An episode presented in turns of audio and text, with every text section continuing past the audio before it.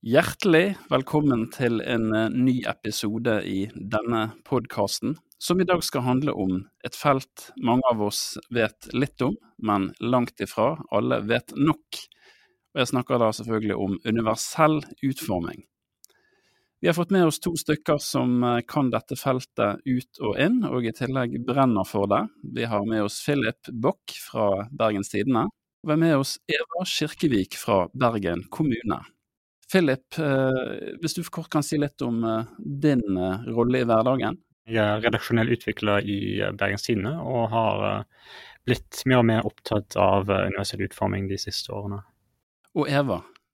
Jeg jobber som rådgiver i Bergen kommune. Jeg jobber i webgruppen, som nå er under etaten Ansattservice.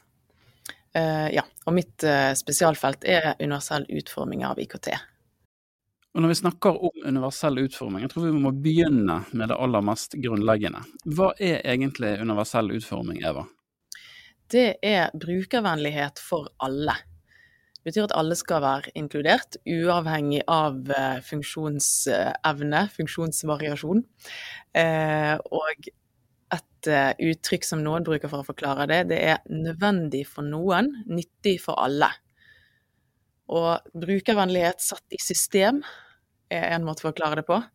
Eh, og når man snakker om at det skal være nyttig for alle, så er det det at det som fungerer for de få, det fungerer som regel også bedre for de mange. Og dette, Philip, er noe du eh, brenner for. Hva, hva er det som gjør at du brenner for nettopp universell utforming? Jeg tror det begynte første gang jeg prøvde. Bare, ja, bare, bare testet en, en, side med skjermleser og oppdaget hvor uh, dårlig det funket. Altså, det var en sak som jeg sjøl laget, og jeg tenkte at dette, sånn, sånn, kan vi ikke ha det. Um, og så begynte jeg bare å ja, teste litt mer regelmessig og eksperimentere litt, uh, finne ut hva som fungerer. Um, og uh, jeg syns det er en veldig, veldig, spennende oppgave og en veldig interessant måte å uh, oppleve, eller, ja, oppleve, sakene sine på. Og um, tenker også at uh, nettopp det Eva sa, at det pleier å bli bedre for alle, egentlig, hvis det funker for f.eks. skjermlesere. Og skjermleser, Eva, det er noe du benytter deg av en del. Du har eh, en funksjonsvariasjon som er at du er blind. Ja, det er jeg. Eh, så jeg eh, bruker skjermleser til å lese på mobilen, til å lese på PC.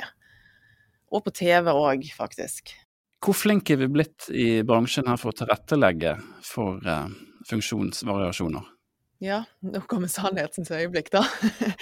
eh, ikke så flink som vi skulle vært, rett og slett. Det er eh, Som blind så opplever jeg daglig å finne brudd på de reglene som gjelder, faktisk. Eh, nå kan jo jeg reglene godt i og med at jeg, eh, at jeg jobber med det og har det som fagfelt. men, eh, så jeg, jeg kjenner igjen det jeg finner som brudd på regelverk. Da.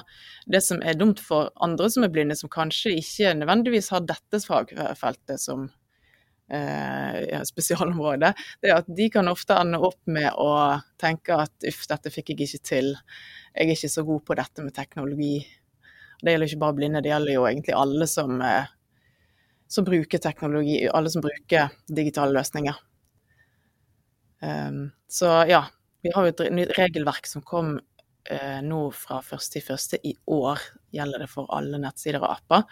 Um, og det har jo vært en fem år lang innføringsperiode, så vi burde egentlig vært uh, up to speed på dette nå, men det er ikke, det ikke tilfellet, dessverre, for veldig mange. Hvor er det det skorter mest? Um, det skorter nok aller mest på apper. Um, og det som, er, det som er spesielt med apper, er at apper skal man ofte bruke til noe. Det er ikke ren informasjon, det er ofte en oppgave man skal løse. Og i type skjemafelter og ja, når man skal bestille noe, bestille en billett, eh, kjøpe en vare, tegne et abonnement, for å ta noe nærliggende, så kan man møte på utfordringer. Og noen ganger får man ikke gjort det i det hele tatt, hvis man bruker skjermleser. Skjermleser er jo noe av det som er kanskje mest krevende å legge til rette for. Eller egentlig er det ikke det, men det er det som det, dessverre er det mange som ikke kjenner til hvordan en skjermleser fungerer. Det er ikke egentlig vanskelig, men hvis man, hvis man ikke vet det, så glemmer man å ta hensyn til det man skal ta hensyn til, og da fungerer det heller ikke. Eh, så det, jeg er veldig glad for å høre at Philip har kompetanse på det, for det er, det er altfor få som setter seg inn i akkurat det med skjermleser. Så derfor er det mange av de som er avhengig av skjermleser, som møter veldig store utfordringer i hverdagen. Og litt av grunnen til at det er viktigere nå enn det var for 10 år siden, 15 år siden, er jo at nå har man begynt overalt å bygge ned kundemottak rundt omkring. Det går nesten ikke an å f.eks. gå i banken lenger, sånn fysisk gå i banken, fordi at det er så få bankfilialer rundt omkring. Um, det er jo nesten ikke i det hele tatt hvis du kommer ut i distriktene. Så man, man er, alle blir avhengig av digitale løsninger, og da får man store problemer.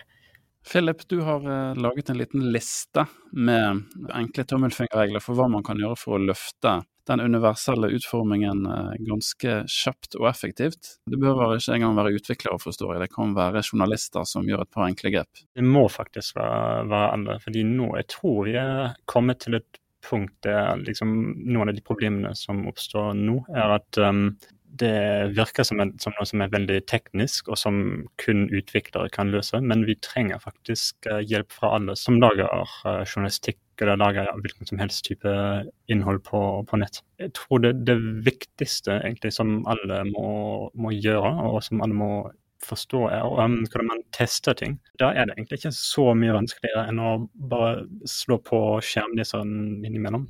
Og det er faktisk Det kan være veldig nyttig, ikke kun for de som, som har behov for det, men også f.eks. hvis man vil få lett opp en litt lengre nyhetssak mens man uh, ja, holder på med noe annet og kanskje ta oppvasken eller noe. Så det, jeg, har, jeg har hørt fra, fra, flere som faktisk uh, bruker skjermleseren til å ja, lese opp uh, lengre nyhetssaker. Vi har snakket litt om skjermlesing. Eh, det er jo en rekke andre grep hvor man skal støtte. Hva er de, eh, hva er de viktigste eh, universelle utformingstiltakene som skal være støttet innenfor alt innhold? Hvis man jobber med farger eller med datavisualisering f.eks., så er det veldig viktig å, um, å teste for fargeblindhet. At uh, ja, visualiseringa funker ja, ikke nødvendigvis uten farger, men i hvert fall med de vanligste type fargeblindhet. Og dette er noe som én uh, av ti menn i Norge har, så det, det er faktisk uh, um, en, en, del som muligens uh, får problemer med det. Til det finnes det flere verktøy som man kan bruke på både desktop og på mobil, um, som programvarer eller apper som simulerer forskjellige typer fargeblindhet. Og så liker jeg å bare skru opp tekster som innimellom, f.eks. Det er også noe som veldig mange gjør. Hvis uh, øynene begynner å, å svikte når uh, folk blir eldre, så, så, er det jeg, har, jeg, vet om veldig mange som bruker uh, mobilen med større skrift. Um, og Så finnes en rekke med automatiserte testverktøy som jeg ikke bruker så veldig ofte. Um, men som også kan være en god indikator der, i hvert fall for uh, ting man kanskje ikke ville kommet på sjøl. Det som også er viktig, er å sjekke kontrastnivået. Og det er veldig enkelt med en del sånne automatiserte verktøyer, fordi at kontrastfeil det er noe av det som er mest vanlig. Det fikk jeg høre fra, fra Digitaliseringsdirektoratet, som er tilsynsmyndighet. Eh, kontrastfeil har man veldig mye feil på ofte, og det er rett og slett Det er et problem som ikke det er så mye bevissthet rundt, fordi det er ikke noe man vanligvis måler når man går til optiker. Fordi at hvis man har problemer med kontrastsynet, så det, fins det ikke noen briller eller noen linser eller noen sånne løsninger man kan ha for å hjelpe på det. Eh, det er rett og slett bare å skru opp kontrasten og ha bedre belysning. Det er det eneste som hjelper hvis man har det. Så det er mange som grunner til å ha problemer med kontrastsynet uten at de vet om det. Og det gjelder faktisk de fleste som blir Ja, når man blir eldre, så går kontrastsynet ned. Eh, og der er det veldig enkle Altså det, det er verktøyer som kan avsløre om kontrasten er god nok. Og da er det helt konkrete tallverdier som skal, det skal være innenfor. Det skal være en kontrast på 4,5 til 1 eller 7 til 1 i det nye regelverket som kommer. Og det, det, er ganske viktig for alle, fordi at når man er ute i solen og ser på mobilskjermen, og det gjør man jo til stadighet uten å skal kjøpe en billett til bussen eller noe sånt Hvis kontrasten er for dårlig da, så vil de aller fleste få problemer. Så det er en viktig viktig ting. For alle unntatt oss som er blinde, da. vi, ser ikke, vi ser ikke det likevel. Når jeg tenker på um, på universell utforming, så går jeg gjerne i den fellen at jeg forestiller meg en person med store, store solbriller og en, en, hvit stokk som liksom prøver å navigere mobiltelefonen sin. Og det er jo ikke det hele bildet, for å si det sånn. Det er jo veldig veldig mange av oss, alle av oss, som får en eller annen form for uh, funksjonsnedsettelser i, i, løpet av, av livet. Og det kan være situasjonsbestemt. F.eks. at um, man uh, prøver å kjøpe en uh, billett på mobilen um, når solen skinner på skjermen, eller, um, eller, at man prøver å kjøpe en togbillett tre minutter for avgang. Det er da um, ja, situasjonsbestemte funksjonsnedsettelser. Så um, finnes det midlertidige funksjonsnedsettelser, f.eks. Uh, ja, at man har uh, brukket et bein eller noe sånt. Um, og så finnes det selvfølgelig varige funksjonsnedsettelser, f.eks. Um, å være blind. Og så nevner du litt um, denne nedsenket kantsteinen um, som uh, mange sikkert har sett dukke opp i uh, bybildet. Dette her uh, peker du på som et eksempel på universell utforming som kan ha en nyttig funksjon for veldig mange andre enn det man først tenkte. Nettopp. Um, ja, på, på, engelsk heter det curb cut effekt, altså ja, nedsenket kantsteineffekt, kanskje. Um, og det var, eller i hvert fall i, i USA, da var det, var det rullestolbrukere som opprinnelig kjempet for, for, disse. Men så viser det seg altså at um, det er veldig mange flere som har nytte av det. Altså F.eks. For uh, foreldre som, uh, som uh, skal få barnevogn opp uh, kantsteinen. De, uh, Um, og ja, Derfor er de, er, de, er de, blitt helt vanlige, eller ikke bare derfor, men altså, de, de, er jo blitt helt vanlige i, uh, i, gatene våre. Og Eva, du jobber med disse problemstillingene i kommunen. Mm. Uh, hvordan angriper dere universell uh, utforming fra kommunalt hold?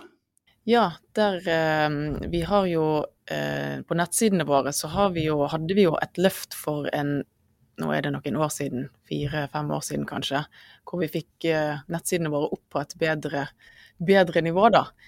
Um, og uh, det var et eget prosjekt for det, da. Og da jobber vi jo med, med egentlig mye med designsystemet, at vi, at vi sørger for at uh, de, de ferdig definerte overskriftene våre, f.eks., har har farger som vi har sikra at kontrasten er god nok, at størrelsen blir riktig i forhold til hvilket overskriftsnivå man er på, f.eks. Um, ehm, så vi, vi, har jo ja, vi har lagt en gro, god grunnmur, og så har vi jo jobba med rutiner i forhold til mye nyutvikling. At vi har, vi har et sånn slags uh, trafikklyssystem, da.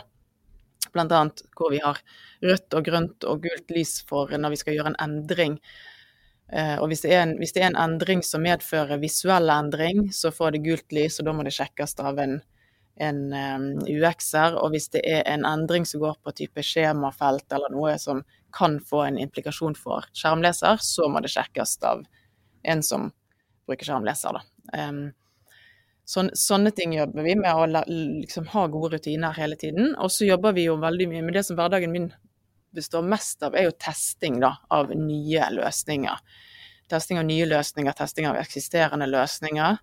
Tester mye med skjermleser, da, eh, personlig. Og det Mitt viktigste testverktøy er faktisk skjermleseren. For dette, den er Det kalles jo skjermleser, og jeg bruker å si når jeg snakker litt om dette, at det kan være litt misvisende navn. fordi at den leser ikke opp det som står på skjermen, den leser faktisk opp det som står i koden.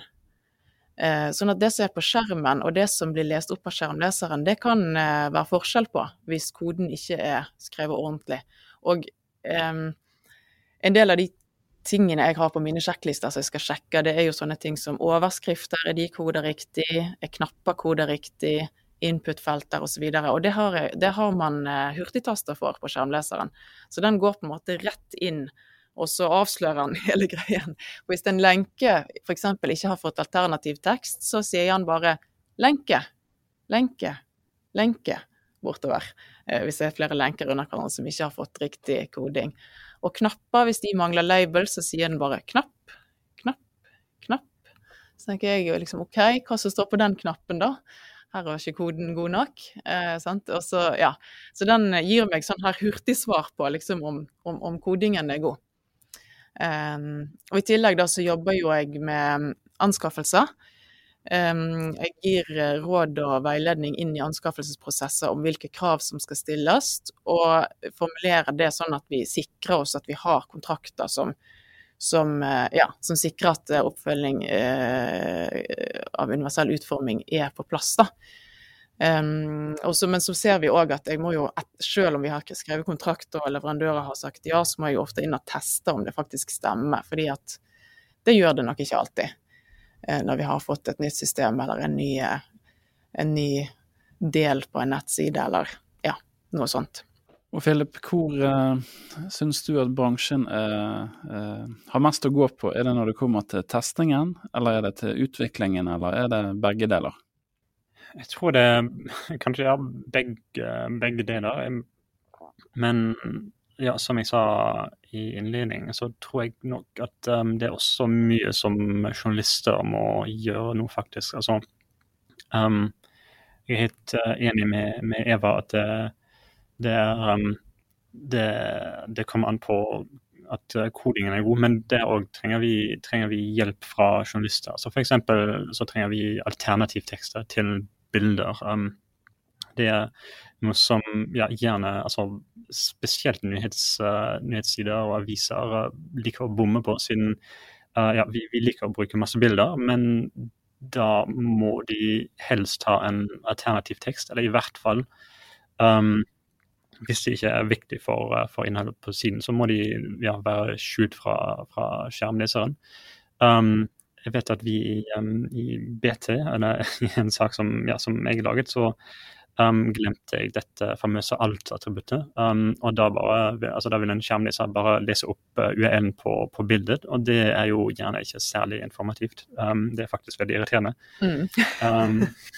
Kan jeg bekrefte.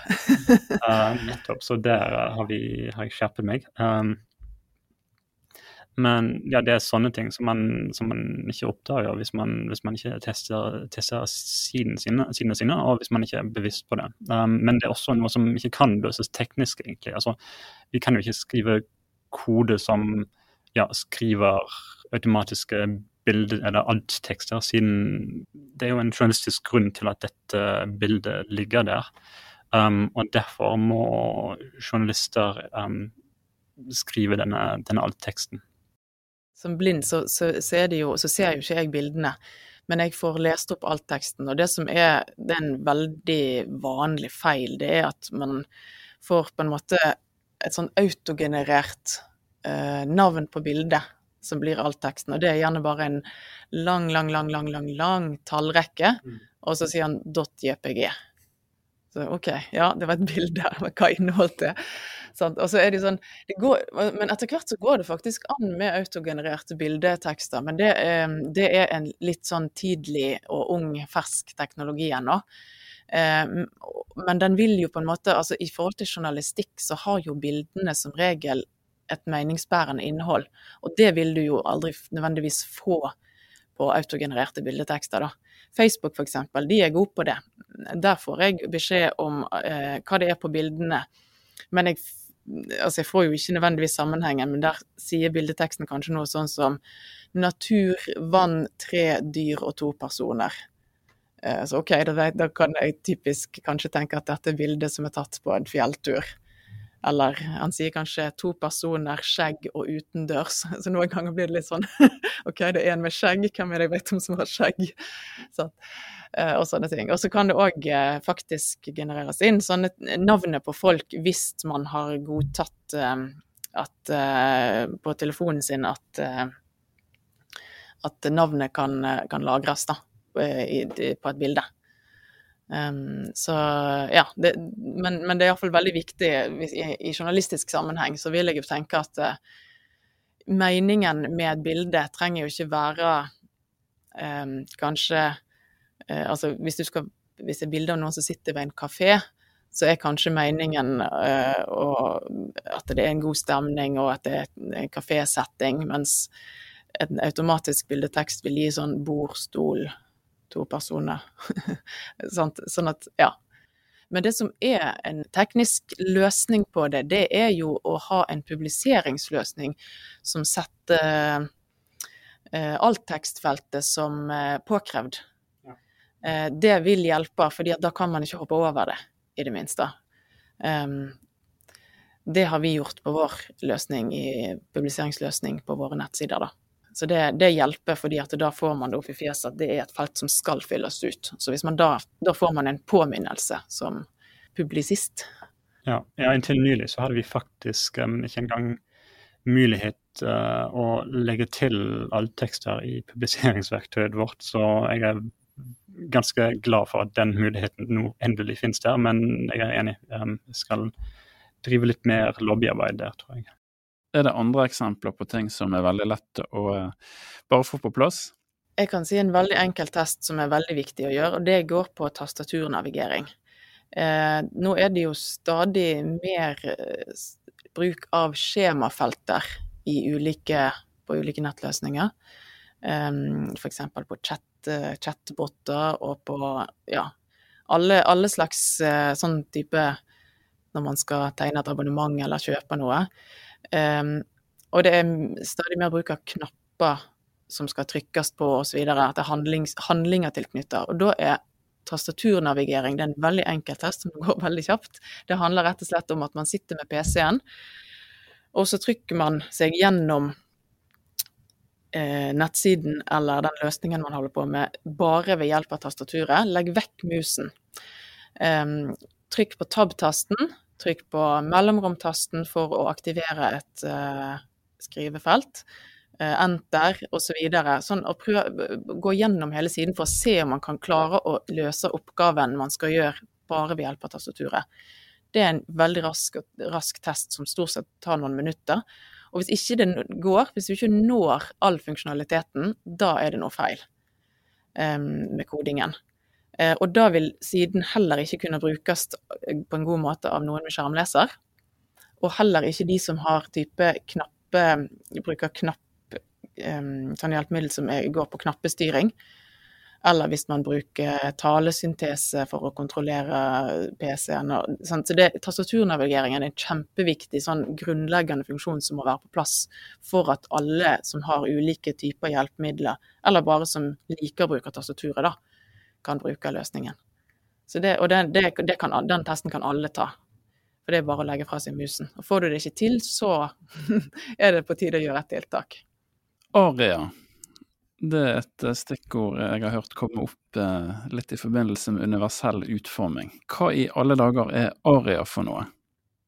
Aria er en Uh, en internettstandard, eller en teknisk standard som står for Accessible Rich Internet Applications. Og det er altså, ja um, i, På det mest grunnleggende er det noen attributter som man kan uh, strø inn i koden sin, også i HTML-koden. Og så um, forhåpentligvis så blir, uh, blir nettsidene litt bedre tilgjengelige av det. Det er jo um, du, altså du, du, skal selvfølgelig følge noen, noen mønstre for dette. og Det er litt sånn, det kan faktisk være veldig, veldig voodoo, og det kan gå fryktelig galt hvis du ikke, um, hvis du ikke gjør det riktig. Men altså, meningen med Arja er altså at det skal fortelle nettleseren hvordan ting på siden henger sammen når vanlig HTML ikke strekker til. Mm, skjermleseren, mente du kanskje? Uh, ja, skjermleseren. Ja. ja. mm. ja et eksempel på det kan jo være f.eks. når man har tegna et abonnement. Og det som ofte skjer da for en som bruker skjermleser, er at man trykker inn knappen 'send inn', og så skjer det ingenting.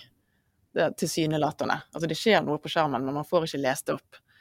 Og da kan det typisk være å sette inn aria 'roll er like alert', f.eks. Altså for, for, da, da vil skjermleseren gå til der meldingen står, det du trenger å vite, da allerede ganske, ganske avanserte greier, da. Men, ja. um, men f.eks. også hvis du er nødt til å altså hvis, Vanligvis hvis du lager en knapp, f.eks., så skal du jo skal du bruke et uh, button-element til det. Um, men hvis du av en eller annen rar grunn f.eks. ikke kan gjøre det, så kan du um, bruke ja, et uh, roll-attributt, og så kan du skrive 'roll er like button', og da vil altså skjermleseren forstå at dette, selv om det ikke er kodet som en knapp, så skal dette altså, altså være en knapp. Det er jo, det, og det er veldig vanlig at det skjer litt feil på sånne ting. For det er jo mange i dag som bruker ferdige sånne eh, biblioteker for å finne elementer når de skal lage en knapp. Eh, og det er ikke alltid de er kvalitetssikra for eh, universell utforming. Eh, men de kan gjerne se fine ut og, og, sånt, men da er det ofte et sånn typisk situasjon hvor man må gjøre sånne ting for å få det til å fungere, da. Inntil ganske nylig, f.eks., så tror jeg ikke det var uh, noen god mulighet for å få um, datofelt i, i, HTML eller sånne kalender-widgets. Uh, og da um, fins det uh, ferdige, ja, egentlig ferdige oppskrifter på hvordan man kan løse dette med aria-attributter i um, det heter Authoring Practices, og det er altså et, uh, ja, et uh, dokument, en slags kokebok til, til, utviklere som skal lage elementer som ikke finnes i HTML. Ja, det kan jeg jo bekrefte òg, at, at ja, dato og kalendervalg er ofte problematisk for skjermleser. Så det er ofte hvis jeg skal fylle ut noe, og så kommer det til det tidspunktet hvor du skal velge en dag eller et tidspunkt, og da stopper det helt opp. Da blir det umulig å bruke det. Så, og der kan det òg være eh, bra å bruke sånne native elementer, men de ser ofte ikke like pene ut, har det blitt meg fortalt. Så derfor velger folk gjerne andre ting, da, men det er da det, disse aria-kontrollene kan hjelpe med å løse. Native elementer, hva er det? Det er det som ligger i operativsystemet. Altså hvis du bruker en native kalender, så får du opp den samme typen kalender som du gjør hvis du skal lage en avtale på iPhone. Eh, men da vil det se forskjellig ut òg, ut ifra hva slags eh, enhet du sitter på, eller hva slags nettleser du har valgt. Eh, og det er jo ikke alle designere som er så veldig glad i. Hvor vil dere anbefale lytterne å begynne? uutilsynet.no. Det er jo Digitaliseringsdirektoratet som er tilsynsmyndighet, og som sjekker og Eh, at, at, sider er, og kan, kan, komme på tilsyn og gi dagbøter og sånt da, hvis, eh, hvis, man ikke har fulgt dette. Men de har også en opplæringsoppgave. Så de har utvikla et nettsted som er veldig godt og veldig enkelt forklart. Så uutilsynet.no, det vil jeg eh, anbefale. Godt sted å begynne. Eller hvis du har lyst til å, å høre på dette som, som en podkast, så kan jeg anbefale en podkast som heter 'Universelt utformet' av uh, Anders Ekke Slettebø og Erling, Erling Homsø, som er, um, er UE-eksperter i Webstep og Okse, og som altså, ja, har laget en podkast der de går gjennom alle disse VKG-kriteriene. De har også laget en, uh, en annen podkast som heter Ubrukelig, der de uh, tester forskjellige nettsider og løsninger. Jeg har et tips til, og det er Facebook, rett og slett. Det fins en uh, gruppe som heter Universell utforming beste praksis. Så der, der, går det an å både få hjelp, snakke fag og ja. Um, veldig mange som er veldig interesserte, som har uh, kommet med konkrete kodeforslag hvis du har en konkret problemstilling. Så det vil jeg òg anbefale. Helt til slutt, hvordan ser dere på fremtiden for universell utforming? Er vi på rett vei? Er det lys i enden av tunnelen, eller har vi en veldig lang vei å gå fortsatt? Jeg ser lyst på det. Det er, det er Altså, teknologien er jo fantastisk, fordi at den kan jo åpne dører og løse problemer som aldri har vært eh, mulig å løse før. Eh, for eksempel for meg som blind, da, så kan jo jeg f.eks. gå på kino.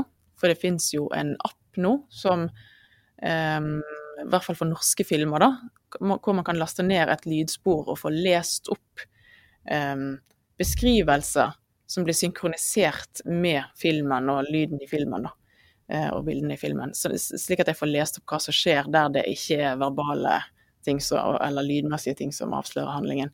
Og det, blir, det, blir stadig, det skjer stadig mye nye ting. Bilder blir synstolka, og kravene og regelverket beveger seg i en retning hvor det blir strengere og strengere. Eh, det kanskje ikke, høres kanskje litt skremmende ut for bransjen, da, men, eh, men det, vil, det som er bra, er jo at målgruppen vil bli større.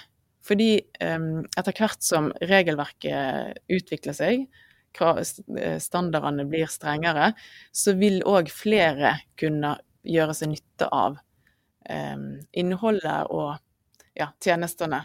Så jeg, jeg, ser lyst på det. Det går i riktig retning. Jeg syns jo som bruker at det går litt seint, da. dessverre. Men, men det skjer jo. Det har nettopp vært vedtatt en ny lov, og det kommer en ny lov på høring nå. Eller en ny forskrift. For det kommer et tilgjengelighetsdirektiv fra EU som vil gjøre det enda bedre for, for brukerne. Så jeg, jeg, ser lyst på det. Men det er klart det er et stykke arbeid, og det er flere som må, må gjøre en jobb her, da.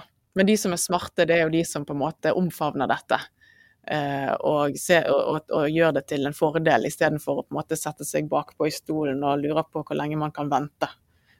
Eh, da vil det bli både vanskeligere og dyrere, så det er egentlig bare å kaste seg over det. Ja, jeg er um, enig. Jeg syns um, det vi, vi, har fremdeles et stykke å gå, men samtidig så er det, opplever jeg at det, det er mye mer bevissthet rundt, uh, rundt temaet nå. Um, ikke bare fordi UU-tilsynet nå faktisk har begynt å dele ut uh, bøter. Um, uh, personlig så syns jeg at det, det, er kjekt å, å jobbe med dette. Um, og jeg tror òg at de tekniske løsningene kommer til å bli enda bedre, men vi må bare være obs på de tingene som ikke lar seg løse med, uh, med teknologi.